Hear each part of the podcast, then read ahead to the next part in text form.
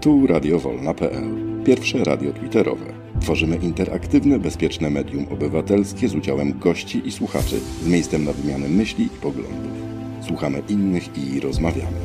Zapraszamy na żywo do naszych cyklicznych autorskich audycji w pasmach tematycznych i edukacyjnych. Znajdziecie nas w przestrzeni Twittera na profilu radiowolna.pl. Nasze podcasty publikujemy na kanale YouTube, na Facebooku, a także na innych platformach podcastowych. Dołącz do nas, wspieraj i udostępniaj. Zapraszamy do odsłuchania audycji. Witamy w Radio Wolna.pl, pierwszym radiu twitterowym. Dzisiaj jest wtorek, 11 kwietnia 2023 roku. Minęła 21, więc zaczynamy kolejne spotkanie z cyklu My Polacy. Dzisiejsze nasze spotkanie zaplanowaliśmy w klimacie jednej z kolejnych pseudoinwestycji rządów PiS. Gościem naszym dzisiejszego wieczoru jest Kamil Szymańczak, aktywista, rolnik, członek Rady Społecznej do spraw CPK. Dobry wieczór Kamilu, witam Ciebie serdecznie. Dobry wieczór e, wszyscy słuchacze Radio Wolna Polska. E, witam Was. Dzisiejsze spotkanie poprowadzą gospodarze cyklu My Polacy. Tadeusz Krupa. Dobry wieczór Tadeuszu. Dobry wieczór Państwu, kłaniam się nisko i jestem z zainteresowaniem czekam na, na naszą rozmowę. Oraz Arkadiusz Olszowy. Dobry wieczór Arkadiusz. Dobry wieczór Aniu, dobry wieczór Panie Kamilu. Ja czekam również. Wiem, że Kamilu jesteś bardzo zmęczony, szczególnie po dzisiejszym dniu. Dzisiaj miał miejsce protest TPK pod Sejmem.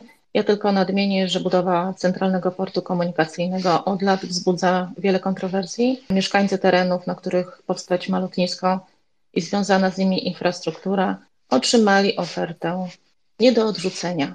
Takie pytanie, Kamil, na początek. Ta inwestycja jest inwestycją czy decyzją polityczną? I myślę, że rozwiniemy później jeszcze w tej kwestii kilka wątków, ale takie pytanie na początek. Czy jestem zmęczony, czy nie? Rolnicy zazwyczaj nie kończą pracy, kiedy są zmęczeni, tylko kiedy ta praca się faktycznie skończy. Praca, jeżeli chodzi o CPK i o to, co się w tym wymyśle dzieje, nie skończyła się i pewnie jeszcze chwilę będzie trwała. Inwestycja ma pewne e, swoje ramy i należy ją w prawidłowy sposób rozumieć. Inwestycja jest wtedy, kiedy robimy coś, co ma możliwość i jest zazwyczaj duże przekonanie bądź pewność, że to się zwróci i będzie zarabiało e, dla nas pieniądze. Dlatego CPK nie nazywam inwestycją, ponieważ e, nie ma takiego uzasadnienia. Uzasadnienia podstawowego, uzasadnienia ekonomicznego tego przedsięwzięcia czy tego wymysłu.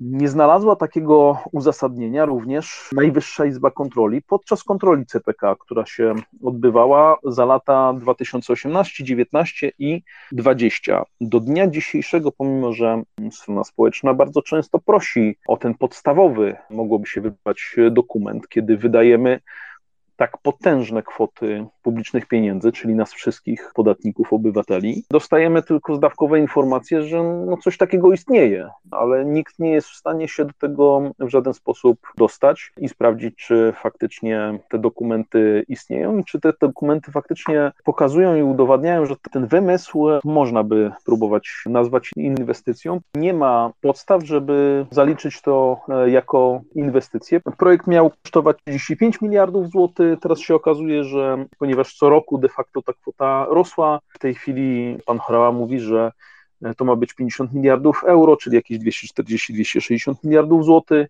a eksperci są zgodni, że bez 500-600 miliardów się nie obędzie. Jeżeli nagle się 10 czy 20 razy droższą rzecz buduje, to należy się zastanowić, czy te założenia, które były zrobione na początku, nadal dają podstawę ekonomicznego zwrotu wydanych pieniędzy w ten sposób.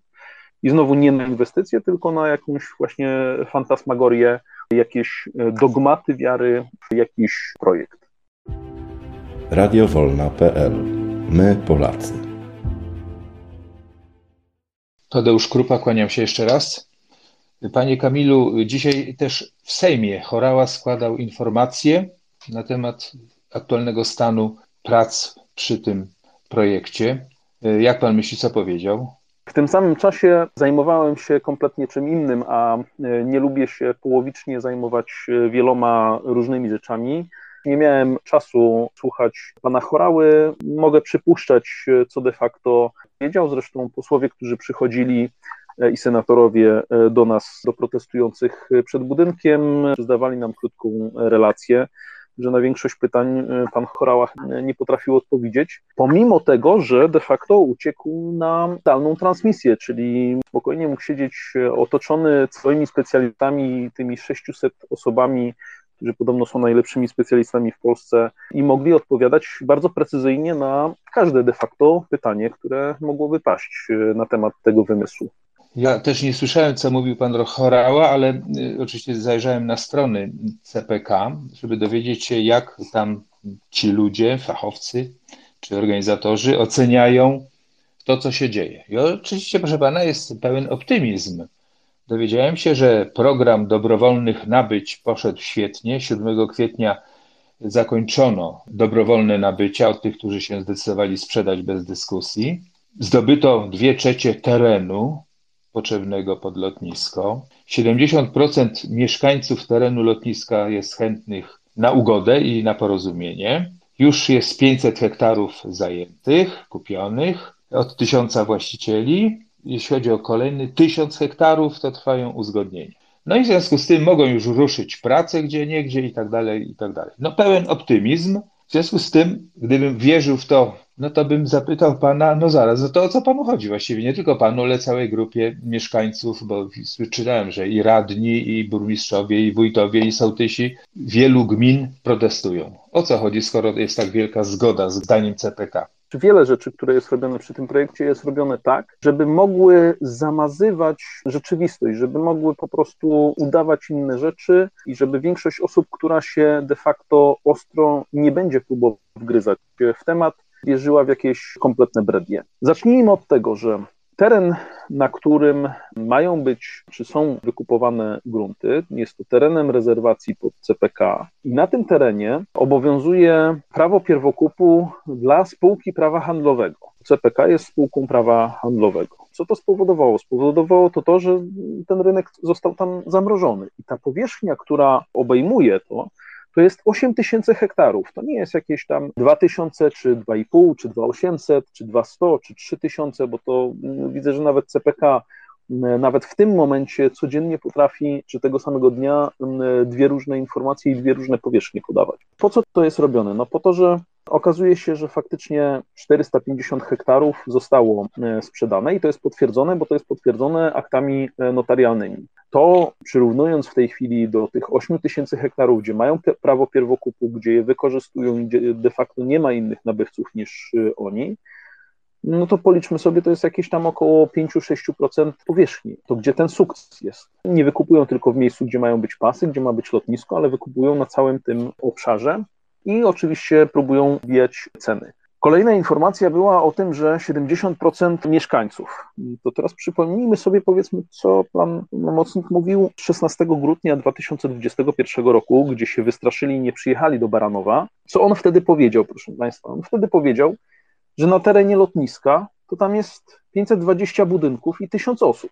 Teraz się okazuje, że 1100 osób się zgłosiło i że to jest 70% właścicieli. Gdzieś tutaj zaczyna nie grać matematyka. Tak jak mówiłem na początku, matematyka w CPK od samego początku nie gra, ze wzrostem kosztów i tak dalej.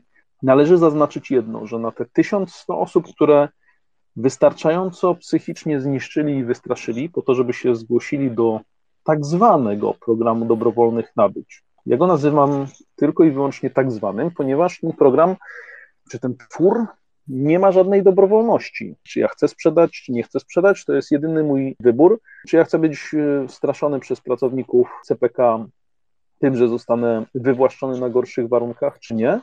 E, natomiast nie mogę wybrać sobie kupca. W dobrowolnym rynku to ja decyduję, czy chcę sprzedać i komu chcę sprzedać. Nawet jeżeli będę miał oferenta, który chce mi e, więcej zaproponować, a ja powiem, że no nie podoba mi się kolor auta, którym do mnie przyjeżdża, to mogę sprzedać po prostu komu innemu. I to jest wtedy dobrowolność. Natomiast tutaj takiej dobrowolności nie ma, jest raczej oddziaływanie e, psychiczne, narzucanie jakby swojej narracji, de facto hejtowaniem.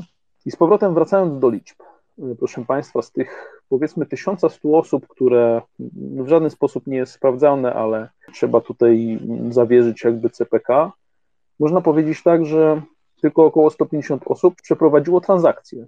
To co to oznacza? To znaczy, że z tych nawet wystraszonych, tak, okazuje się, że jak widzi się, co CPK zaproponowało, czyli te dobrocie, które proponuje pan minister i mówi, że to jest najlepszy sposób, jaki był od lat i nikt lepszego na świecie nie wymyślił i daje 120, 140% i jeszcze różne benefity. Okazuje się, że no, jakieś 15-18% osób tylko decyduje się na transakcje. No to nie wiem, gdzie tu jest sukces tego całego przedsięwzięcia i w jaki sposób to ocenić.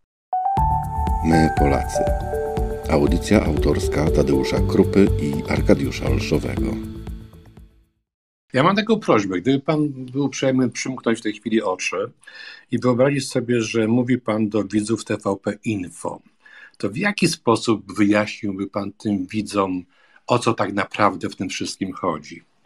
I teraz krótko czy długo, czy oni mają to zrozumieć, czy nie? No tak, żeby ich przekonać.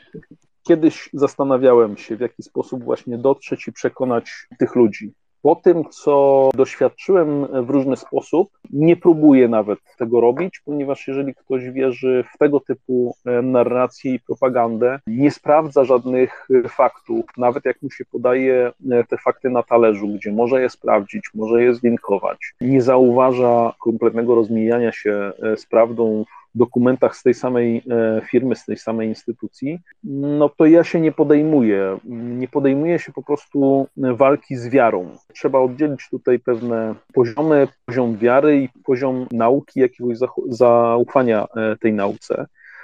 I dlatego, tak jak bardzo dużo osób i bardzo dużo specjalistów mówi, CPK jest po prostu dogmatem. Dogmatu się nie rozważa, nie podważa, w dogmat się wierzy i należy go bronić. Dogmat wiary i potwierdzają to osoby, które stamtąd wyszły, uwolniły się i mogą już o tym w pewien sposób mówić. Jedną z podstawowych informacji, które tam jest, to jest to, że ani kroku w tył i koniec. Czyli co by się nie działo, po prostu to realizujemy. Czy oni są przesiąknięci tym i czy oni w to wierzą?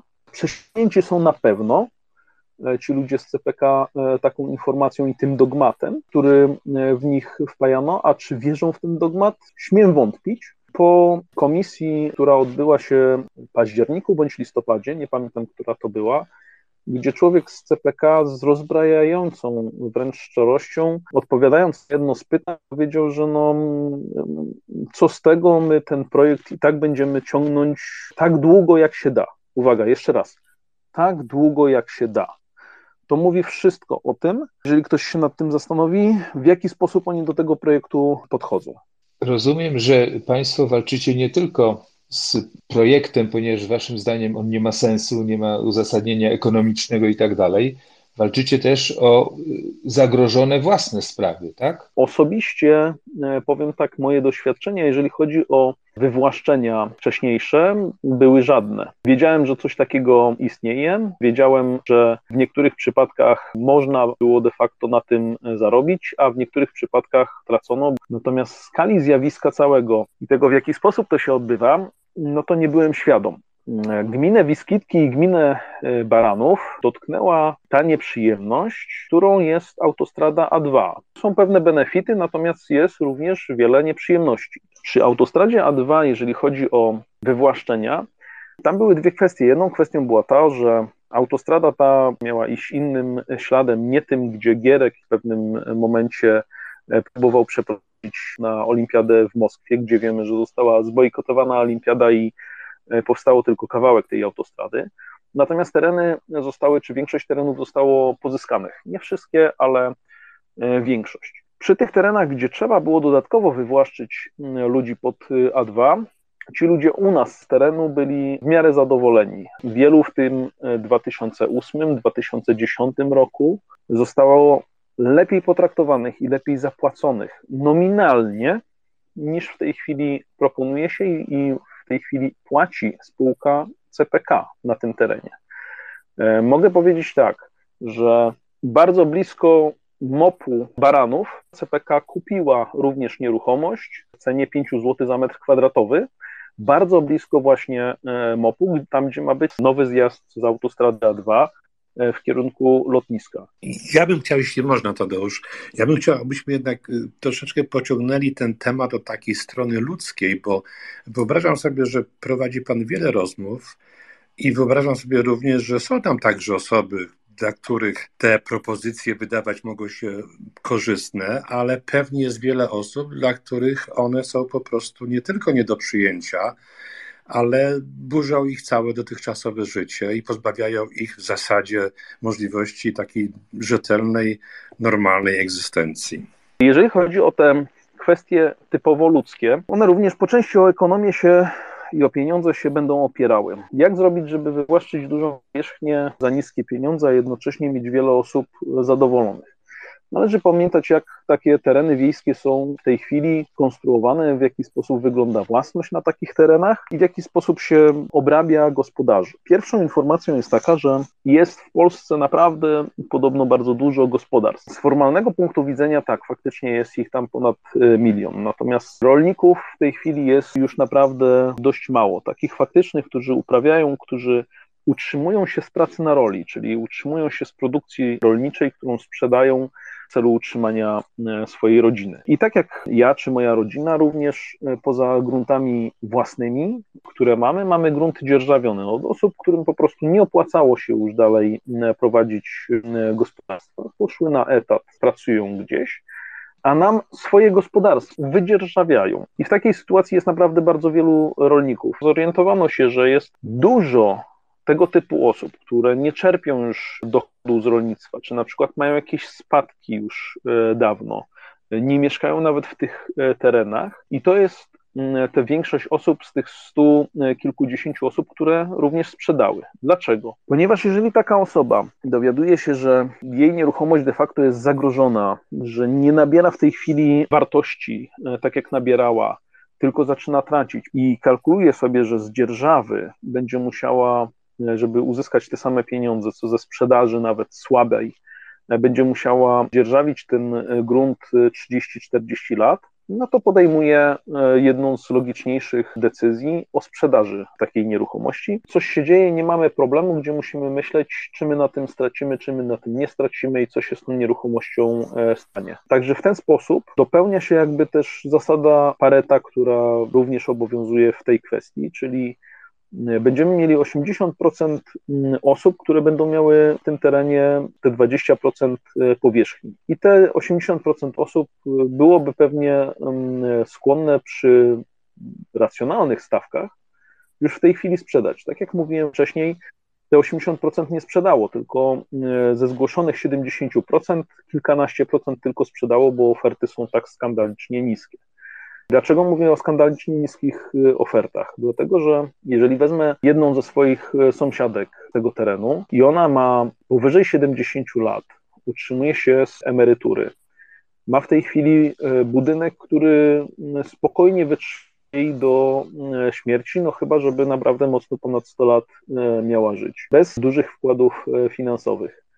Jeżeli jej spółka CPK proponuje, że jest w stanie odkupić ten budynek za 60 tysięcy złotych, y, gdzie jest nowe pokrycie dachowe, gdzie są okna plastikowe i co z nimi zrobić? Wyprowadzić się do miasta, wziąć kredyt? Przecież tej osobie nikt takiego kredytu nie da. Z emerytury rolniczej to ona ma między 1300 a może 1500 zł miesięcznie. Za takie pieniądze ona w tej chwili czynszu nie będzie w stanie i tego mieszkania w mieście utrzymać. Co z takimi osobami? Co, w jaki sposób sobie ci ludzie wyobrażają, co z nimi wtedy zrobić, tak? No bo po prostu ich skazujemy de facto na, na bezdomność. Ograbiamy ich ze wszystkiego, skazujemy na bezdomność. My byliśmy na tym, czy tego zdania, że należy im wtedy pomóc i należy im zorganizować po prostu życie. Jeżeli trzeba, to należy im wtedy pobudować na koszt państwa dom, gdzie będą w stanie mieszkać i ich przesiedlić na koszt państwa. I według nas takie podejście jest podejściem sprawiedliwym, chociażby do tego, żeby nie umniejszyć ich standardu życia, a oni nie są w stanie odtworzyć tego standardu za pieniądze, które im się oferuje. Ja osobiście uważam, że to jest mm, stanowczo jeszcze za mało, ponieważ e, powinno zapłacić się pewną rekompensatę również za utracone więzi, e, jak również za to, że dana osoba przyczynia się do tego, że całe społeczeństwo może oszczędzać. Słyszymy wszędzie, że zamiast jechać kilka godzin, czy pięć, czy sześć godzin, będziemy mogli jechać gdzieś tam w dwie godziny. Oszczędzamy czas i ma oszczędzać to bardzo wiele osób. Taka trasa kiedyś Poznań-Warszawa, kiedy się jechało w latach 90., trwała faktycznie samochodem kilka godzin. W tej chwili można ją skrócić dzięki autostradzie do dwóch, można oszczędzić sporo paliwa, przepotężne również kwoty, jeżeli chodzi o zużycie wszelkich części samochodu, jak również ilości e, wypadków, gdzie o wiele mniej osób e, ginie. I to są wymierne korzyści, które są dla całego społeczeństwa również. Powstaje więc pytanie, czy jeżeli całe społeczeństwo na tym korzysta, czy nie powinno się wtedy złożyć w celu e, zadośćuczynienia takim e, właścicielom? Radiowolna.pl My Polacy. Czytam w tej chwili, że berlińskie lotnisko, lotnisko Berlin-Brandenburg, miało kosztować 2 miliardy euro. Ostatecznie kosztowało o, o ponad 5 miliardów euro więcej. Natomiast jego budowa przedłużyła się o 10 lat. Nie chcą nawet myśleć, co się może stać z naszym tym portem lotniczym centralnym, bo nie chcę brzmieć tutaj jakoś tak katastroficznie, ale nie sądzę, abyśmy w tym przypadku dużo lepsi byli od Niemców. Natomiast mam tego typu pytanie. No dobrze, a co musiałoby się stać? Bo z jednej strony, nawet w Niemczech właśnie, mówi się o tym, że prawa większości są przed prawami jednostki, czyli jeżeli dla większości coś jest pozytywne, to jednostka musi się do tego dostosować. I tego typu rzeczy, jak właśnie wywłaszczanie, czy taka sprzedaż pod różnego rodzaju inwestycje prowadzona jest w różnego, różnych krajach, nie tylko w Polsce. Ale co by się musiało wydarzyć, żeby żeby nie było tego konfliktu. To znaczy, że z jednej strony moglibyśmy powiedzieć tak, to jest fajna inwestycja, nam to jest potrzebne, a z drugiej strony, no właśnie, rozwiązane to jest w taki sposób, że mieszkańcy i ci, których to dotyczy, nie mają pretensji i nie czują się pokrzywdzeni czy wręcz okradzeni. Są różne mm, rozwiązania. U nas też te rozwiązania mm, jakby funkcjonują, gdzie próbuje się urealnić kwoty, czy próbowało się urealnić kwoty po to, żeby zadośćuczynić właścicielom nieruchomości, którzy są na danym e, terenie, niezbędnym pod inwestycje. Tu znowu słowo klucz, inwestycje, inwestycje, czyli coś, co ma szansę i jest udowodnione, że może się e, zwrócić, bo tak powinny być według mnie i nie tylko mnie wydawane publiczne pieniądze. W każdym państwie unijnym te przepisy są e, na poziomie krajowym, czyli każdy kraj ma dobrowolność tutaj w e, kształtowaniu tych przepisów. W Niemczech panuje taka zasada, że tam 80% nieruchomości musi zostać wykupionych na zasadach krajowych, czyli państwo przychodzi do właściciela i mówi sprzedaj mi, ile za to chcesz. I jeżeli dogada się z taką ilością właścicieli, to reszta może być po prostu potraktowana w ten sposób, że może być wywłaszczona. To w jakiś sposób ustala i urealnia wtedy wartość danej nieruchomości. U nas próbuje się robić coś kompletnie innego, gdzie mówi się e, i w tej chwili e, daje benefity dla, bo popatrzyło się, że, że jest sporo osób mieszkających na wsi, czyli mieszkańców wsi, a nie rolników E, i można im dać małe benefity, z których będą zadowoleni i część osób jest zadowolona, bo jeżeli nie czuła się dobrze w środowisku rolniczym, to często szukała możliwości jego opuszczenia, natomiast opuszczenie takiego środowiska nie jest wcale po zakupie na przykład domu i e, wydaniem swoich e, często pieniędzy życia plus kredyty za kredytowaniem, to sprzedanie takiej nieruchomości wcale nie jest prostą sprawą. I takim ludziom, którzy nie znaleźli się, czy przyszli na wieś nie znaleźli się na wsi, bądź zmienili profesję, nie, nie są już dalej rolnikami i łatwiej im jest mieszkać w małym miasteczku czy w większej wsi. Takim wystarczy zaproponować troszeczkę lepsze warunki. Nie są one kosztowne dla państwa, natomiast później zostawia się problem kilkudziesięciu czy inaczej no, kilkunastu, może kilku procent osób, które posiadają większość powierzchni, która jest potrzebna pod taką inwestycję. I wtedy e, my się już tego spodziewamy, tak? Wtedy będziemy faktycznie napuszczani, szczuci i tak dalej, e, bo oni chcą dużo. My Polacy. Audycja autorska Tadeusza Krupy i Arkadiusza Olszowego.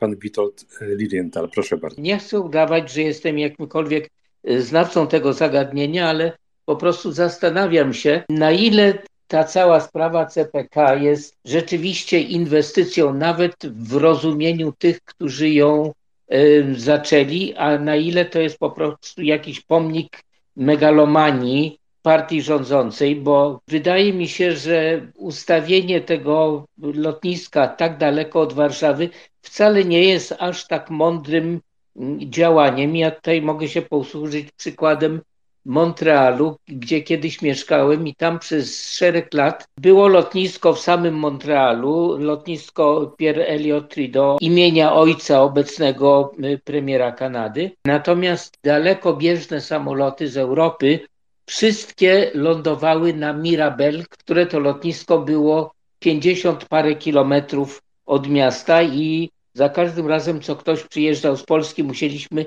po prostu jechać ponad 50 kilometrów, żeby tego człowieka powitać. I po jakimś czasie wszystkie te samoloty jednak skierowano do tego centralnego portu lotniczego Pierre Elliott w samym sercu, można powiedzieć, Wyspy Montrealskiej, więc widocznie to świadczyło o tym, że ludzie wcale nie chcą jeździć daleko i nawet jak przylatują gdzieś tam, to nie chcą jechać bardzo daleko z tego lotniska do centrum miasta. I to samo widzę na przykład przy okazji no, samolotów, które lat, latają z Polski e, do Nowego Jorku. Dawniej lądowały na JFK, to znaczy lotnisku Kennedy'ego, które jest bardzo daleko, a dzisiaj lądują na Newark w stanie New Jersey, ale to jest tylko po drugiej stronie rzeki i to jest y, zaraz koło Manhattanu, czyli to jest bez porównania bliżej. Wydaje mi się, że, że jest w tym jakiś sens, że jednak ludzie chcą mieć tę wygodę. Oczywiście pan profesor Suski powiedział, że, że to będzie dobre dla ludzi, którzy y, wyruszają w podróż na południe, no ale to można schować po prostu między, między bajki. Ale takie inwestycje jak y, właśnie inwestycje w cudzysłowie, jakie w Polsce są, wydaje mi się, że są jakieś po prostu w ogóle nieprzemyślane, tak jak ten przekop. Wydaje mi się, że jedyni, którzy mogą podziękować rządowi za to, to są e, kajakarze. Obawiam się, że CPK, jeżeli niestety dojdzie do skutku, to może być po prostu jedną wielką plajtą. Mamy już w tej chwili dwa pytania. Pan jest orientowany, w jaki sposób ta inwestycja e, ma być, czy jest finansowana. No i tutaj, jeżeli chodzi o pana Witolda, on czy Witolda, bo jesteśmy na ty, zgodnie ze zwyczajem północnoamerykańskim. Witold podniósł kwestię, że w zasadzie to nie jest inwestycja, to jest coś w rodzaju takiego e, pomnika, który ma zaspokoić jakieś takie e, dziwne podejrzane aspiracje megalomanii aktualnej władzy, bo oprócz CPK tam wpisuje się jeszcze wiele, wiele innych rzeczy, już nie mówię o samochodach elektrycznych, których miało być, z tego co pamiętam, milion? Coś koło tego. Dobrze, Panie Kamilu, proszę o odpowiedź na pytanie dotyczące finansowania, jeżeli Pan oczywiście jest tym zorientowany. Twierdzę, że nawet spółka CPK i najlepsi e, ludzie stamtąd nie są zorientowani, jeżeli chodzi o to. Wiemy, że liczono, bardzo mocno liczono, że z KPO e, będzie spore finansowanie na tego typu inwestycje. Wiemy, co się z KPO dzieje. Od nowego roku również fundusze spójności są dla Polski zatrzymane z tego samego powodu, z jakiego e, nie mamy KPO. Wypłacane są tylko tak zwane startówki, gdzie są to e, pieniądze po to, żeby ruszyć projekt, natomiast nie są to pieniądze, którym można dany projekt wybudować. Tyle, że na te pieniądze można było liczyć tylko i wyłącznie na e, tak naprawdę na koleje, które są w tej chwili e, mocno wspierane, jeżeli chodzi o Europejską.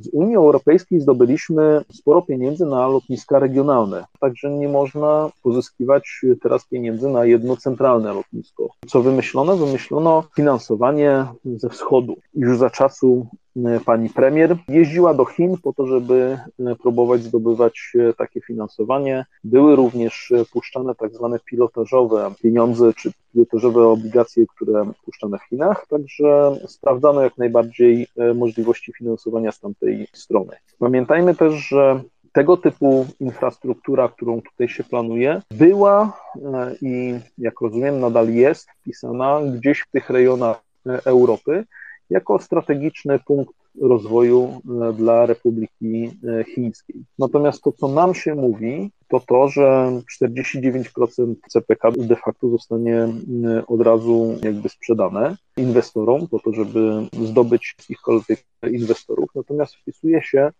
coraz to nowe rzeczy. I to jest bardzo zastanawiające, skoro CPK nagle e, przejęło polskie porty lotnicze, gdzie jest Okęcie, gdzie są do tego również porty, gdzie mają większy bądź mniejszy bądź całościowy e, udział, to nagle się okazuje, że CPK będzie mogło być w pewnym momencie przejęte. W dokumentach rządowych jest wpisane, że CPK w którymś momencie de facto stanie się spółką akcyjną. No to giełda jest giełdą i każdy, kto się w tych tematach obraca, wie, w jaki sposób to się później e, kończy. Czyli de facto próbujemy, według mnie, e, kapitałowi pozyskannemu z tych azjatyckich kierunków oddać kluczową infrastrukturę i dopisywanie do tego mm, kolejnych rzeczy, kolei, e, dopisywanie kolejnych dróg i tak dalej, może się po prostu e, tragicznie skończyć. Radiowolna.pl My Polacy. W międzyczasie pan Robert Stachurski prosił o zabranie głosu. Panie Robercie, zapraszam. Jedno pytanie panu zadam, a później jeszcze ewentualnie w dalszej części coś powiem na temat aspektów militarnych tego lotniska, bo ja akurat z racji profesji pod tym kątem rozpatruję ten cały wielki hub y, i megalomanie Prawa i Sprawiedliwości. Czy pan się orientuje w sprawie wykupu ziem? Zaplanowanych jest wykup y, około 80 km kwadratowych ma być ziem wykupionych, z czego 30 pod lotnisko, 50 do sprzedaży. Czyli wychodzi na to, że spółka CPK będzie też handlowała nieruchomościami. My o tym mówimy od samego początku, ponieważ pierwsze deklaracje, które były, to były deklaracje, że w gminie Baranów e, pod to lotnisko będzie potrzebne 1200-1500 hektarów. Później zaczęło to rosnąć i e, ciągle pączkować. Od 2018 roku ja osobiście e, zadaję non-stop, czemu oni chcą kupować więcej niż jest im potrzebne w tym terenie. Bo należy pamiętać, że tak jak mówiłem, to pączkowało, pączkowało. W tej chwili jest to tak 80 km kwadratowych, czyli te 8 tysięcy hektarów, o których tam e, wcześniej mówiłem przy e, porównywaniu tych wielkości i przy tym, że, że 5-6% tylko zdobyto e, w ramach wykupów, a mówi się, że już można zacząć e, budowę. Postaraliśmy się o to, żeby w kilku miejscach również zostało zadane e, to pytanie, tak żeby mm, nie można było uniknąć odpowiedzi. E, z rozbrajającą szczerością, natomiast z odpowiednią mową ciała, pan Chorała przyznał, że to będą bardzo atrakcyjne nieruchomości i spółka za rok, dwa, trzy, czyli de facto przed nawet planami, które oni mają tak ambitne plany, z których się Chińczycy nawet śmieją, jeżeli chodzi o tempo budowania, że oni wcześniej, za rok, dwa, trzy, znajdą inwestorów i sprzedadzą te nieruchomości. Wchodzi tutaj jeszcze jeden aspekt, który mnie jako rolnika i jako osobę chowaną przy przyrodzie i, nauczoną e, szacunku do tej przyrody bardzo przeraża, ponieważ nie samą geografią w obecnym e, świecie się żyje. Ilość ludzi, która jest do wyżywienia w tej chwili e, na tym świecie jest e, dość duża i nasza Ziemia dobrej jakości jest w stanie naprawdę wyprodukować o wiele więcej, o wiele taniej, o wiele lepszej żywności niż jakieś bardzo słabe piachy i bardzo słabe ziemie. Ja jako rolnik powiem tak, że wolę gospodarzyć na jednym hektarze dobrych czy bardzo dobrych gruntów niż na 10-20 hektarach słabych gruntów radiowolna.pl Pierwsze radio twitterowe. Słuchajcie nas na Spotify i innych platformach streamingowych. Proszę pana, słucham i myślę i mi się taki obraz rysuje. No to spółka Skarbu Państwa, wyposażona we wszystkie kompetencje i organy nacisku, próbuje wywłaszczyć starszą panią, która właściwie nie ma innego wyjścia. Ona musi tam mieszkać, bo za to, co jej proponują, to przecież nie kupi sobie domu ani nigdzie się nie wyprowadzi. Czyli bardzo odważnie można by powiedzieć, że trafi na bezdomność. Kiedy już będzie miała te grunty, jest symbolicznie mówię o tej pani, to je sprzeda za dobre pieniądze. być może częściowo zużyje te pieniądze na inwestowanie właśnie w ten port. To nie jest działanie państwa ani spółki Skarbu Państwa. To jest totalna manipulacja. Znamy z filmów takie rzeczy gdzie ludzi się ma za nic. Oczywiście tam zawsze dobro zwycięża i w końcu ten przechera, który chce ludzi wygonić po to, żeby sprzedać komuś za ciężkie pieniądze grunt, przegrywa. Czy u nas będzie tak samo? Nie wiem, ale jest to koszmarna w sumie historia, naprawdę koszmarna. Żeby w ten sposób organy spółki Skarbu Państwa, czy w ogóle państwo postępowało z obywatelami. Bo teraz dopiero się dowiedziałem, że oni chcą kupić znacznie więcej niż w ogóle potrzeba na to zadanie, które się nazywa Centralny Port Komunikacyjny, a chcą więcej, bo będą tym handlować. No to jeśli tak, to z góry założyli, że nabędą dużo taniej, niż później uda się to sprzedać. To jest jakaś spekulacja po prostu. Powiem tak, tylko sobie uzmysłówmy, ile będzie kosztowało, ile będzie kosztował metr kwadratowy uwolnionej ziemi, uwolnionych nieruchomości E, pod deweloperkę w Warszawie, na obrzeżu Warszawy, bo Okęcie nie jest w centrum miasta. Pomnożcie sobie, każdy niech sobie weźmie kartkę, nie kalkulator, tylko kartkę i niech sobie po prostu pomnoży 830 hektarów. To jest razy, e, każdy hektar to jest razy 10 tysięcy metrów, razy cena, sprawdźcie sobie jaka jest cena e, mniej więcej na Okęciu i pamiętajcie o tym, że tam jeszcze wtedy wzrosną E, jeżeli e, ten teren zostanie uwolniony. I ze sprzedaży tego to są naprawdę e, grube pieniądze, grube miliardy, nie miliony, tylko miliardy, z których można coś sfinansować. W drugą stronę, dalej idąc, przy analizie rynku, którą przeprowadzał brat pana prezesa Wilda w jednym z opracowań, które były robione pod potrzeby CPK, sam stwierdził pewne fakty i pewne rzeczy. Jednymi z takich głównych faktów e, trzech było to, że i to opracowanie było robione mniej więcej 2016-17 rok, że ziemia rolna w tych rejonach u nas jest handlowana w granicach 10-20 zł za metr kwadratowy. Pamiętajcie znowu o tym, że oni w tej chwili proponują niższe stawki E, po sześciu latach. Sam e, również w tym dokumencie stwierdził, że cena nieruchomości inwestycyjnych w tym terenie to jest ponad 100 zł za metr kwadratowy, a po powstaniu lotniska to ona będzie minimum 1000 zł za metr kwadratowy. Według mnie to nie jest finansowanie, tylko to jest po prostu okradanie obywateli po to, żeby coś zrobić. Radiowolna.pl My Polacy.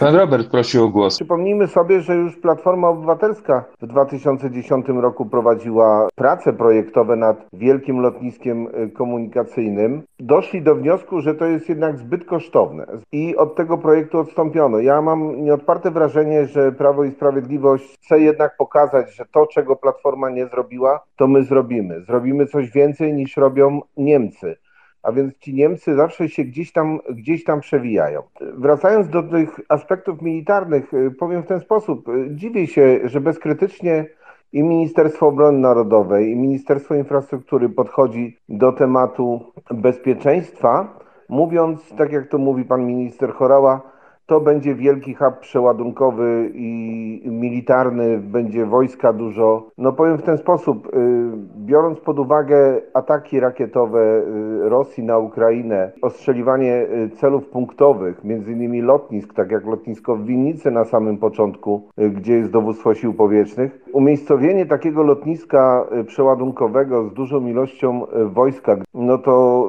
kilka Iskanderów i byłoby po lotnisku. Gdyby, gdyby doszło doszło do jakiegokolwiek ataku ze strony Federacji Rosyjskiej. Y, dzisiaj y, rozbudowywany równolegle jest y, port przeładunkowy we Wrocławiu wojskowy. Mamy duży hub Rzeszów-Jasionka. Y, rozdrobnienie, szanowni państwo, y, lotnisk, bo tych lotnisk takich komunikacyjnych, komunikacyjno-transportowych w Polsce jest około 15. Ja osobiście uważam, im bardziej będzie rozdrobnione, tym większe bezpieczeństwo nawet przemieszczania wojsk na terenie Polski. No osobiście nie widzę takiej możliwości, żeby to bezpieczeństwo wzrosło, zwłaszcza przemieszczenia wojsk w momencie, gdyby tylko miało się odbywać poprzez lotnisko Baranów. W promieniu 70 kilometrów są cztery lotniska cywilne.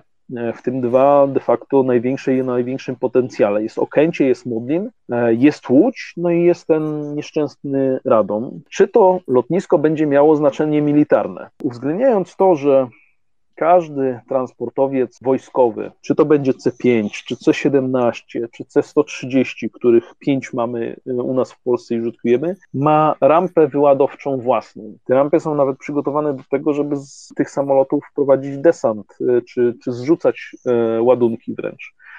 Oczywiście nie proponuję, żeby w ten sposób rozładowywać cokolwiek, gdzie mi CPK e, to zarzuca, kiedy im to mówię, ale jeżeli mówię, że jest w tej chwili w Polsce 60 czy ponad 60 lotnisk, na których może wylądować mm, duży e, transportowiec lotniczy C-17, które zazwyczaj do Rzeszowa dolatują, no to zaczyna być konsternacja. Kiedy mówię, że Herkulesy, C-130 Herkulesy, które są użytkowane przez polską armię, mogą wylądować również w Baranowie, bo w Baranowie jest pas trawiasty, e, jest w Baranowie, i mogą wylądować na takim lotnisku i mogą wystartować, polscy piloci byli do tego szkoleni i są w stanie to zrobić, no to nagle się zaczyna koniec rozmowy, a szczególnie niedorzecznikiem Majszykiem, który e, trochę z lotnictwem się interesuje i, i trochę się e, tym tematem parał.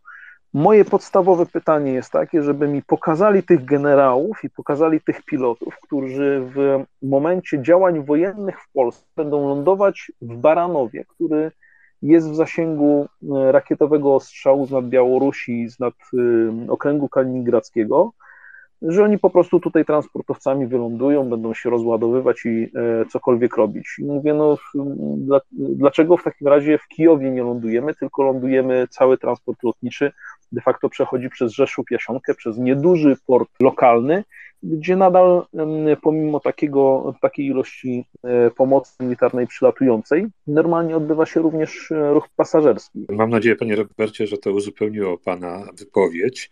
E, w tej chwili bardzo proszę Mateusza, bo wcześniej Mateuszu, nasz redakcyjny kolego, prosiłeś o zabranie głosu. Dziękuję bardzo. Ja chciałem przekazać tylko, że cieszę się, że tak dużo głosów jest, także przekazuję dalej.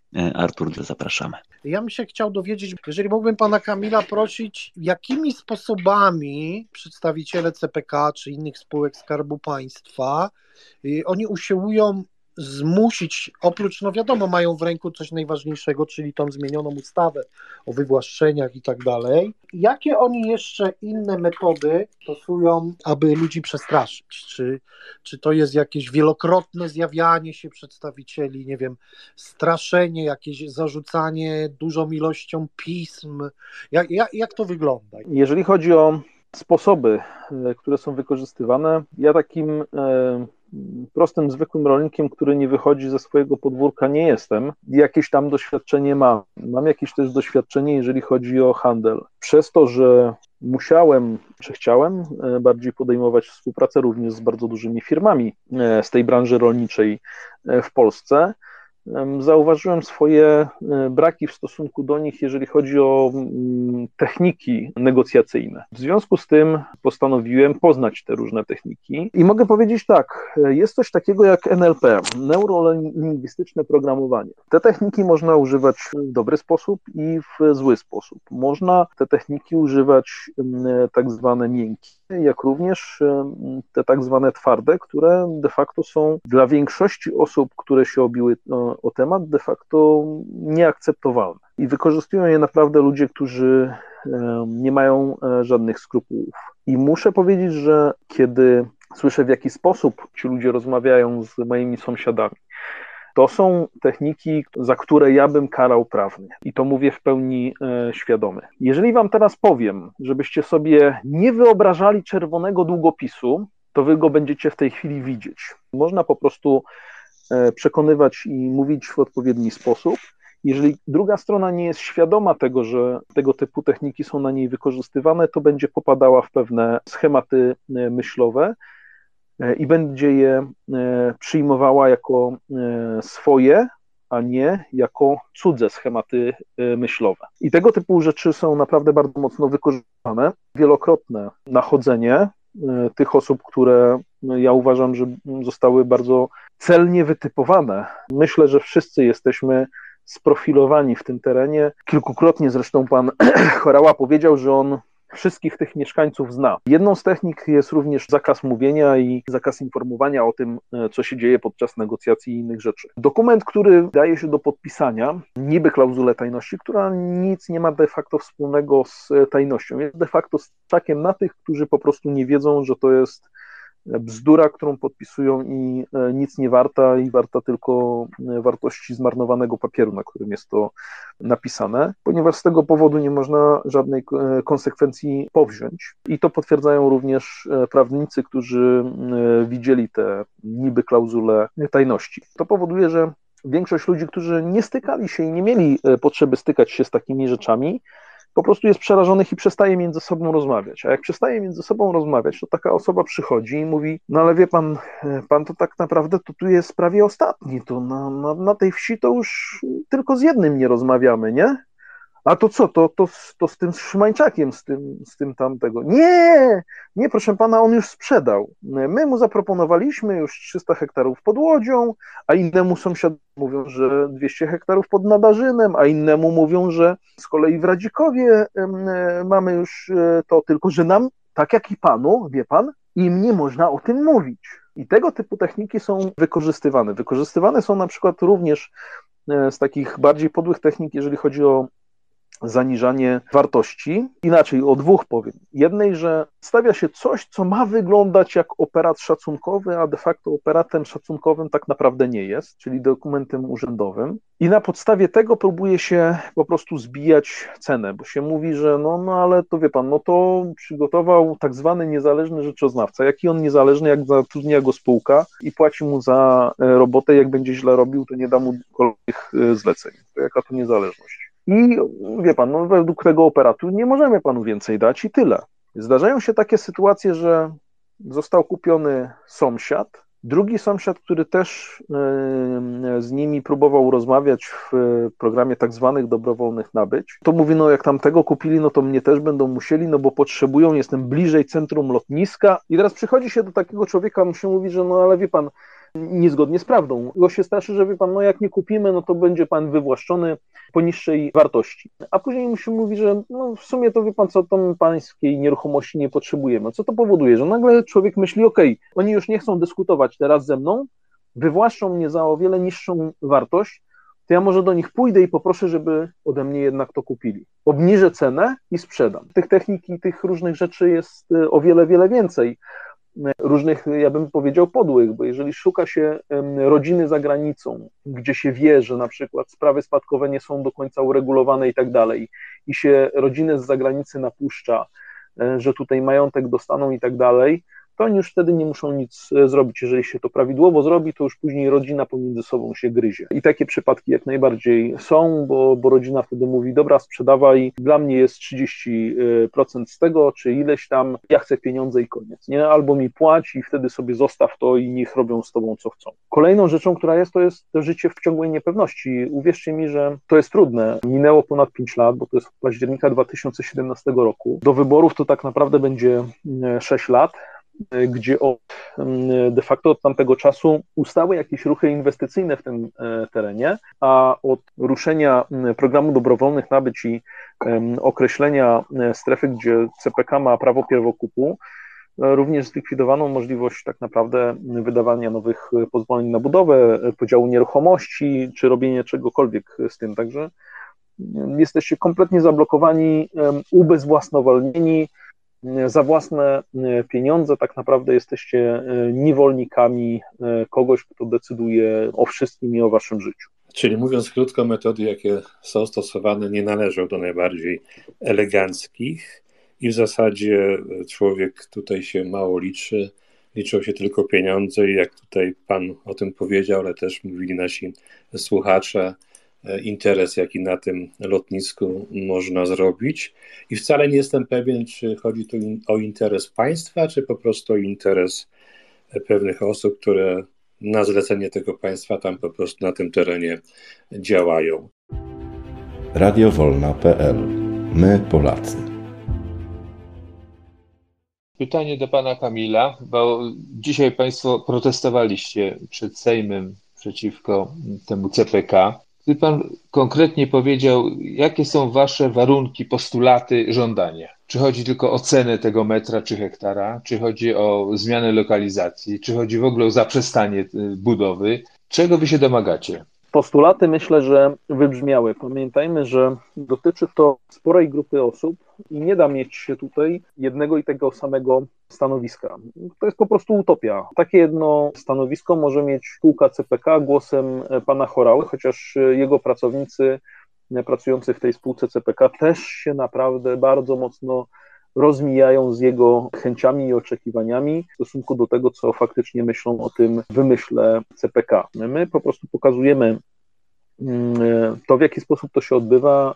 Pytamy się bardzo często, czy w taki sposób powinno się odbywać i czy powinno się tak robić. Jednym z podstawowych pytań to jest to, co wybrzmiało na początku tej mm, dyskusji, czy jest uzasadnienie ekonomiczne, ponieważ okazuje się, że w dokumentach opracowanych, rządowych dokumentach opracowanych, okazało się, że jeżeli nie powstanie lotnisko CPK, w stosunku do tego momentu, gdzie powstałoby lotnisko CPK w 2040 roku, różnica w ilości pasażerów w skali kraju to będzie 3 miliony pasażerów tylko. I jest pytanie, czy należy wydać 40 miliardów złotych, żeby te 3 miliony więcej pasażerów e, zdobyć i przy okazji tego wykończyć prawdopodobnie minimum cztery lotniska regionalne, jak nie o wiele więcej. Czy taki jest tego sens i czy taki jest tego zamiar? Należy pamiętać o kolejnej rzeczy, o której mówimy, to jest racjonalnego wykorzystywania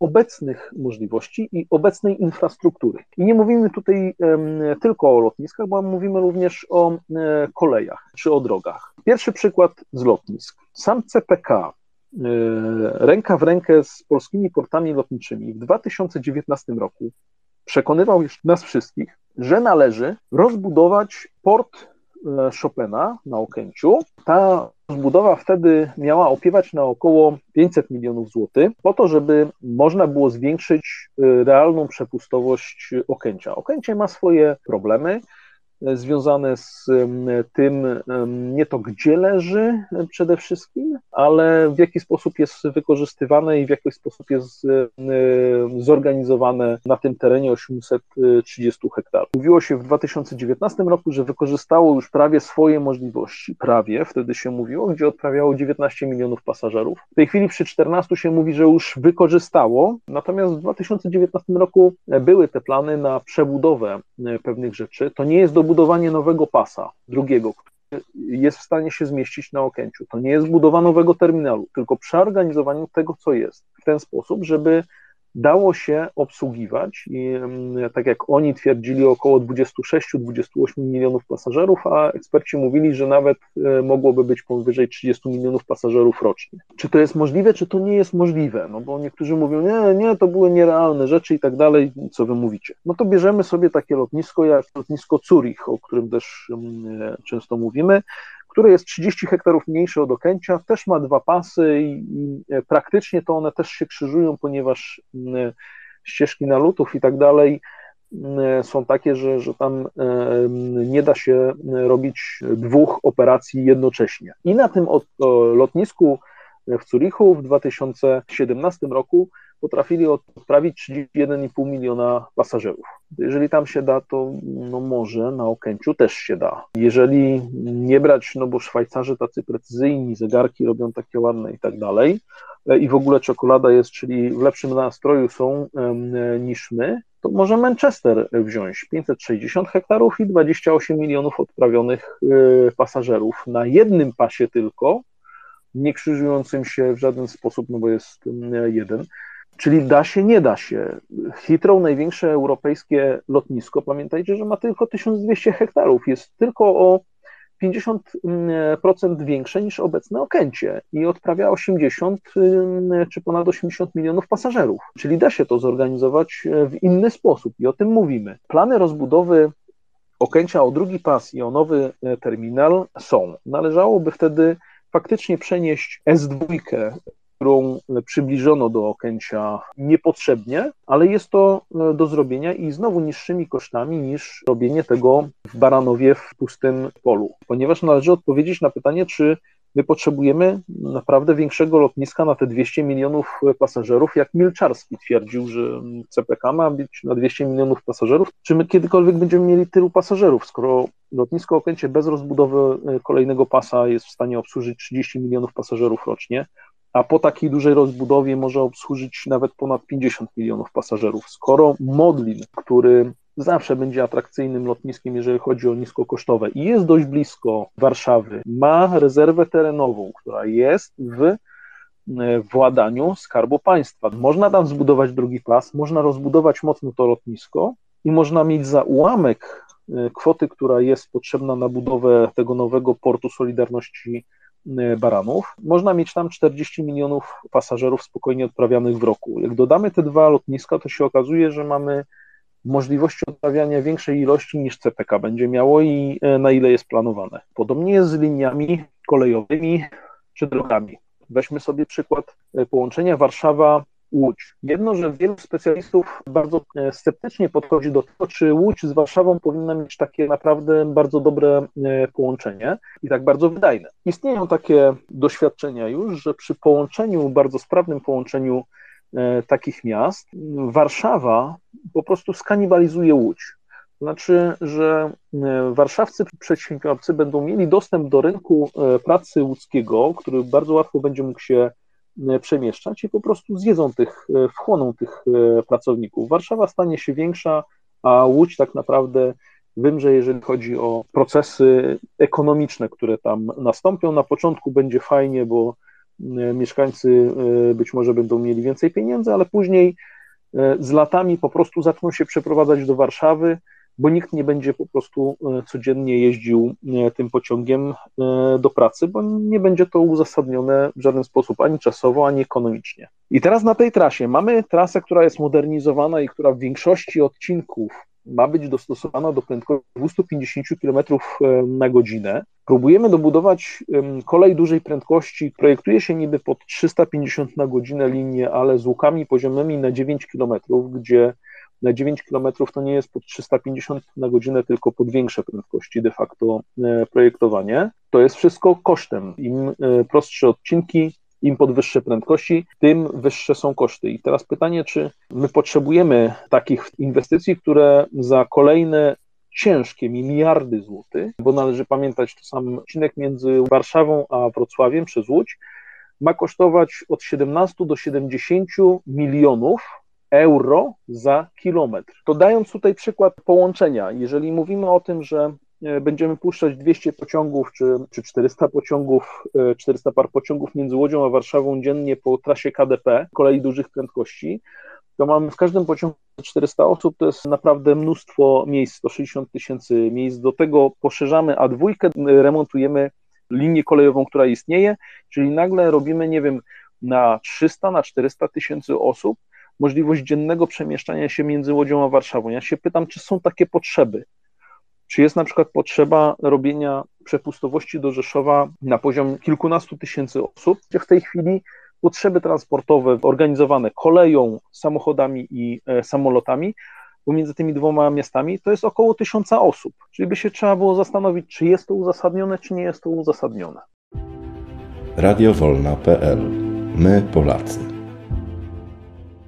Ja myślę, że e, najważniejszy to jest ten aspekt ludzki i tego, w jaki sposób państwo jako umowa e, pomiędzy obywatelami tak naprawdę tego e, państwa traktuje pojedynczych obywateli i traktuje jednostki. I to jest przerażające, bo można mówić o tym, że w jakiś sposób da się to pogodzić i można w jakiś sposób zostawić ludzi, natomiast trzeba pamiętać, że nadal pracuje się z ludźmi i czasami krzywdy, które wyrządza się psychiczne, w żaden sposób nie są później do zabliźnienia jakimiś pieniędzmi, bo to nie o pieniądze później chodzi. W tych terenach, co by się już nie działo, bardzo dużo się zmieniło i tutaj już nie będzie się żyło tak, jak się żyło przed ogłoszeniem tego wymysłu i przed tym, w jaki sposób, przede wszystkim w jaki sposób to jest robione i z jaką premedytacją w stosunku e, do ludzi.